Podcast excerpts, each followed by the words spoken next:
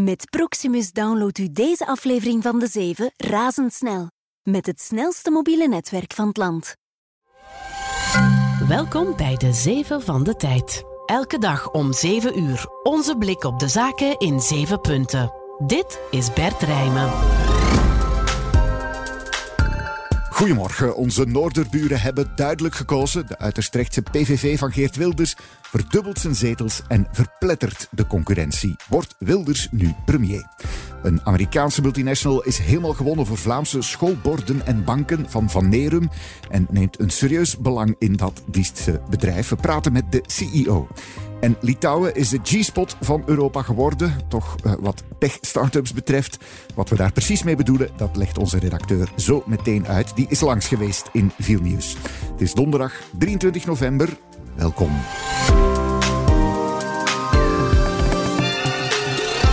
Zeven van de tijd. 1. De grootste partij van Nederland. De kiezer heeft vanavond gesproken. De kiezer heeft gezegd, we zijn het zat. We zijn het spuugzat en wij willen. En daar gaan wij voor zorgen dat die Nederlander weer op één komt te staan. Geert Wilders, de grote winnaar van de vervroegde verkiezingen in Nederland.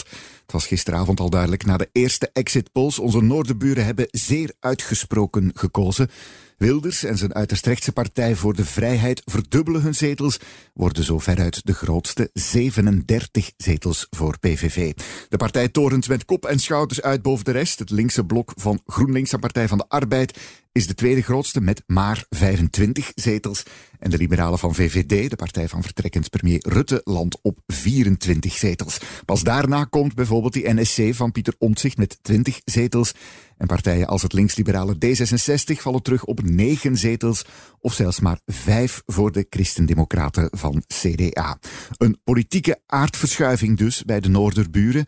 Wat gebeurt er nu? Hoe snel kan er een nieuwe regering komen en wordt Wilders dan premier? Goedemorgen, Erik Sazek. Goedemorgen, Bert. Politiek journalist hier bij de Tijd, Erik. Je hebt die uitslagen gisteravond vannacht op de voet gevolgd. We hebben intussen een ja, zeer duidelijk beeld. Uh, vat eens samen, Erik. Hoe ziet het nieuwe politieke landschap er nu uit in Nederland? Wel, het is een, een, een grote omwenteling in, in het politieke landschap. Want voor het eerst wordt uh, Geert Wilders zijn partij, de PVV, de grootste. En, en dat is compleet onverwacht. In de laatste peilingen was er wel voorspeld dat hij een, een, een serieuze opmars maakte. Maar dat hij zo verpletterend de tegenstand zou verslaan, is wel onverwacht. Hij laat zijn concurrenten Frans Timmermans van het linkse kartel en Pieter Omtzigt van de nieuwe partij Nieuw Sociaal Contract ver achter zich. Uh, Erik haalt de helft meer zetels. Uh, ja, wat gaat er nu gebeuren? Wilders heeft gezegd dat hij wil besturen. Uh, zal die nieuwe Nederlandse regering snel gevormd zijn? Dat lijkt me niet erg waarschijnlijk. De kans dat Wilders premier wordt, is sowieso zeer klein, mm -hmm. omdat hij zeer omstreden is en omdat een aantal partijen gewoon hebben gezegd: met Wilders willen we niet regeren. De enige die nog een deur heeft opengelaten is de VVD van demissionair premier uh, Rutte en huidig lijsttrekker Dylan Jesselgus. Maar ja, enkel met die liberalen van VVD komen ze niet aan een meerderheid, Erik. En ja, de rest wil niet met uh, PVV. Uh, ja, dat wordt niet makkelijk, zeggen ze dan. Nee, en omgekeerd kan je dan wel een, een, een coalitie hebben van VVD, PvdA, GroenLinks, NSC. Maar die partijen liggen elkaar ook niet zo goed. Dat is ook een rechts-links uh, discussie. En dan laat je er trouwens de grootste partij van het land buiten. Dus ja, iedereen heeft gezegd, uh, de politieke leiders van het voortouw ligt nu bij Wilders. Maar zoals Tielan Jesselgus zei in haar eerste reactie, zij weet ook niet hoe hij een coalitie bij elkaar krijgt. Uiteindelijk dus toch een beetje Belgische toestanden daar in Nederland. Dankjewel, Erik Sarge. Graag gedaan, Bert. 2. Wat wordt er vandaag nog nieuws? Wel, premier De Croo is intussen geland in Israël. Hij brengt de komende drie dagen bezoeken aan onder meer de hoofdstad Jeruzalem, de stad Ramallah in Palestina en nadien ook Egypte. Voorkennis. Nou, we zullen daar zeer uitgebreid uh, spreken met Mahmoud Abbas, met Netanyahu, met president uh, Herzog. We zullen ook in Egypte met president al-Sisi spreken en kijken op welke manier die humanitaire staakt het vuren die zich aankondigt, hoe we daar zo goed mogelijk gebruik kunnen van maken om hopelijk zoveel mogelijk gijzelaars vrij te krijgen, om hopelijk zoveel mogelijk humanitaire hulp ter plaatse te krijgen in Gaza en om te kijken op welke manier men daarop verder kan bouwen. Vanochtend zou in Gaza normaal een vierdaagse staakt het vuren beginnen, maar dat is uitgesteld tot vrijdag ten vroegste. Heeft de Israëlische Veiligheidsraad vannacht bekendgemaakt. De Kroo reist samen met de Spaanse premier Sanchez, dat is omdat Spanje en België respectievelijk uittredend en intredend voorzitter zijn van de EU. Dus we brengen daar een Europese stem. Die Europese stem uh, die wil dat het, uh, dat geweld zo snel mogelijk stopt. Dat gijzelaars vrijgelaten worden, dat terroristische aanslagen stoppen maar dat ook het vallen van onschuldige burgerslachtoffers dat dat stopt. Net voor de Kro was vertrokken heeft zijn eigen Belgische regering nog eens getoond hoe verdeeld die eigenlijk is over de kwestie. Coalitiepartner PS, de Franstalige Socialisten, probeerde gisteren met een resolutie in de Kamer nog een hardere lijn tegen Israël af te dwingen. De tekst pleit onder meer voor een onmiddellijke erkenning van de Palestijnse staat. Dat ligt natuurlijk heel gevoelig. Coalitiepartner MR, de Franstalige Liberalen, zijn daar mordicus tegen. Uiteindelijk werd er ook niet gestemd over de resolutie. 3. Vlamingen met buitenlandse roots stellen hun geloof alsmaar minder boven de wet. Dat zien we in een grootschalige bevraging van 5000 Vlamingen van allochtone en autochtone origine. Het is een bevraging in opdracht van minister van Gelijke Kansen, Integratie en Inburgering, Gwendoline Rutte. En er is elke vijf jaar zo eentje. En wat blijkt nu? Een op de zes Vlamingen met roots in Marokko, Turkije of Congo vindt dat hij de Belgische wetten mag overtreden als die niet samengaan met de regels van zijn geloof. 1 op 6, dat is veel, maar het is wel een stuk minder dan bij de vorige bevraging vijf jaar geleden. Toen was dat nog 1 op 4. Wat valt er nog op in die enquête? Wel, bij de derde generatie Vlamingen met buitenlandse roots is er geen verschil meer met die zonder buitenlandse roots als het gaat over God en de wet. En discriminatie blijft een groot probleem. Maar een overgrote meerderheid van die eerste groep, driekwart, voelt zich hier wel thuis. Dat is ook een duidelijke stijging tegenover vijf jaar geleden. En die is vooral fors bij de Turkse gemeenschap. 4. Vlaamse schoolbanken. Ze scoren in het buitenland tot in de Verenigde Staten. En dat kan je letterlijk nemen. Banken, stoelen en borden, gemaakt door de Vlaamse producent i3, bij ons beter bekend als Vanerum. Een stel Amerikanen neemt nu een belangrijk aandeel in het bedrijf. In april kon i3, met hoofdkwartier in Diest, al een belang van 25% verkopen aan de holding Works Invest. Nu neemt de Amerikaanse groep Steelcase nog eens een aandeel van 5%.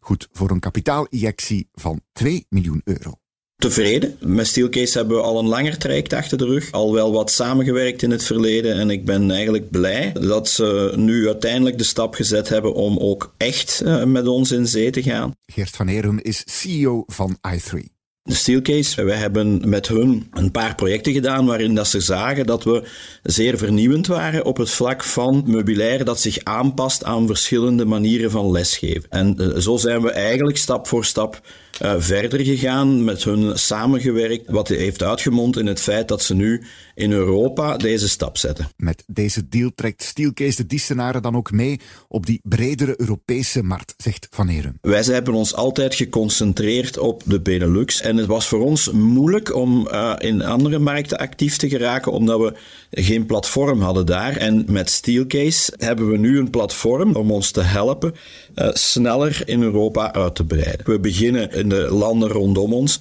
maar in de komende jaren is de bedoeling dat we dan wat, wat verder weggaan. En dat moet op termijn natuurlijk opbrengen, vooral omzetgroei. Wat de divisie schoolmeubilair betreft, is het de bedoeling dat we binnen dit en drie jaar uh, de omzet kunnen verdubbelen dankzij Steelcase.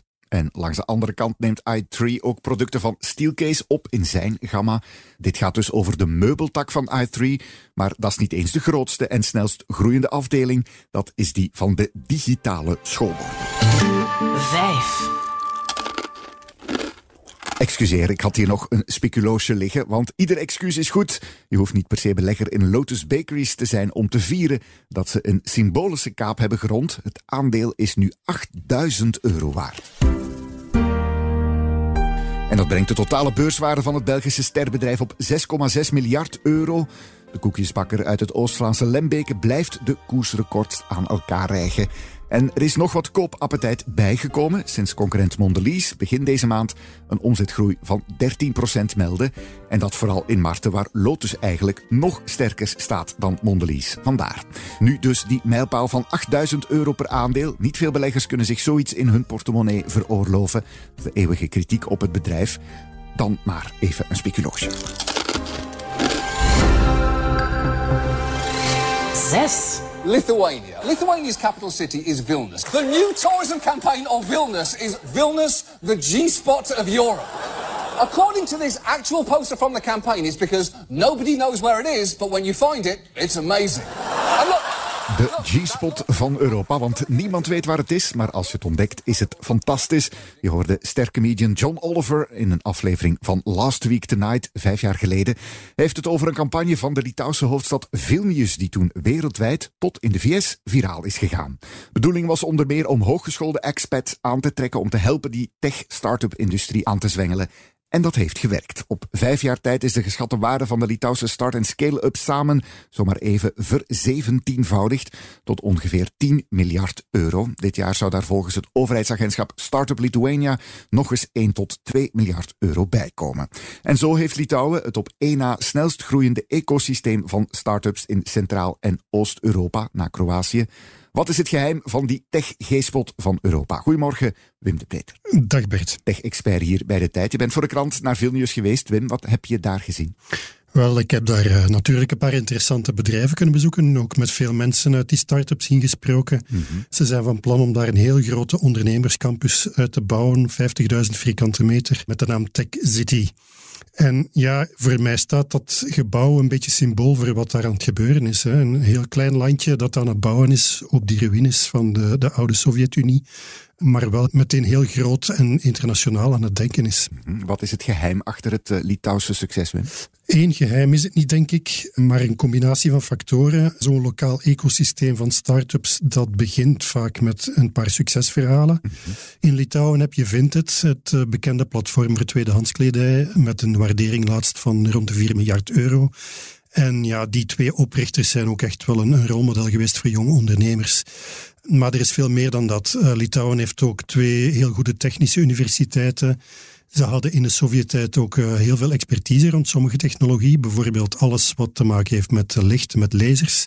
Je hebt een golf uh, buitenlandse investeringen gehad van financiële instellingen. Daaruit is een heel rijke fintech-sector voortgekomen.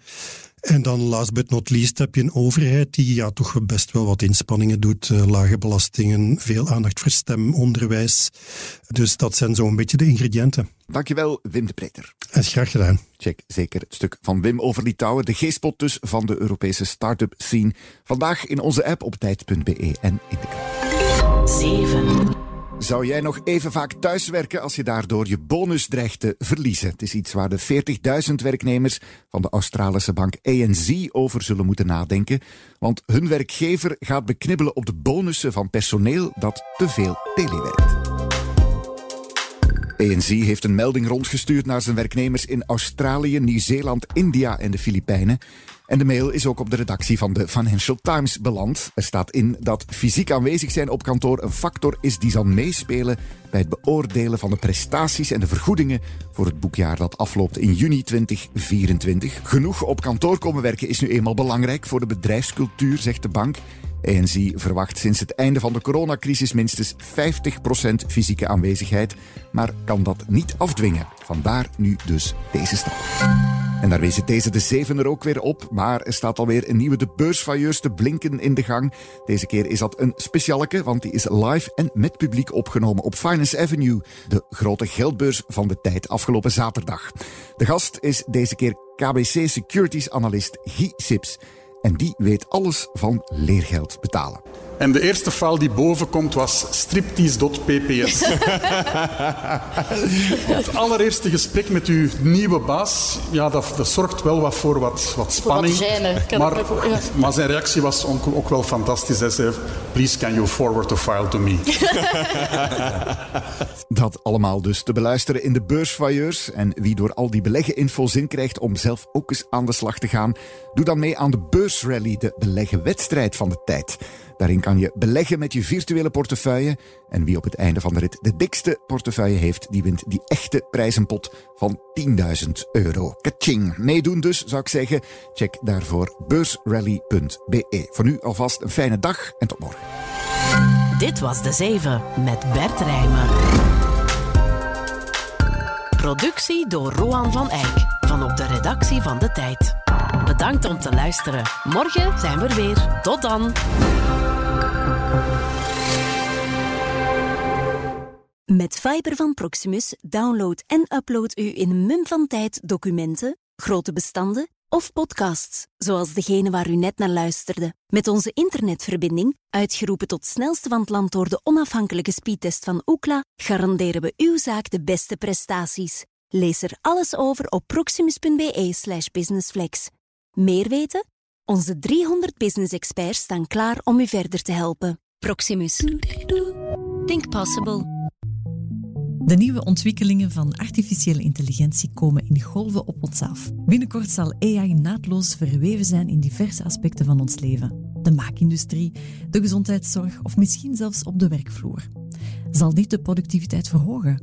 Zullen complexe vraagstukken in de gezondheidszorg sneller een antwoord krijgen en zal AI voor nog een betere tijdsindeling zorgen op de werkvloer? EY biedt al een glimp van dat toekomstbeeld. Wil je graag meer lezen of luisteren over AI? Ontdek alle andere artikels en podcasts via tijd.be/inzicht.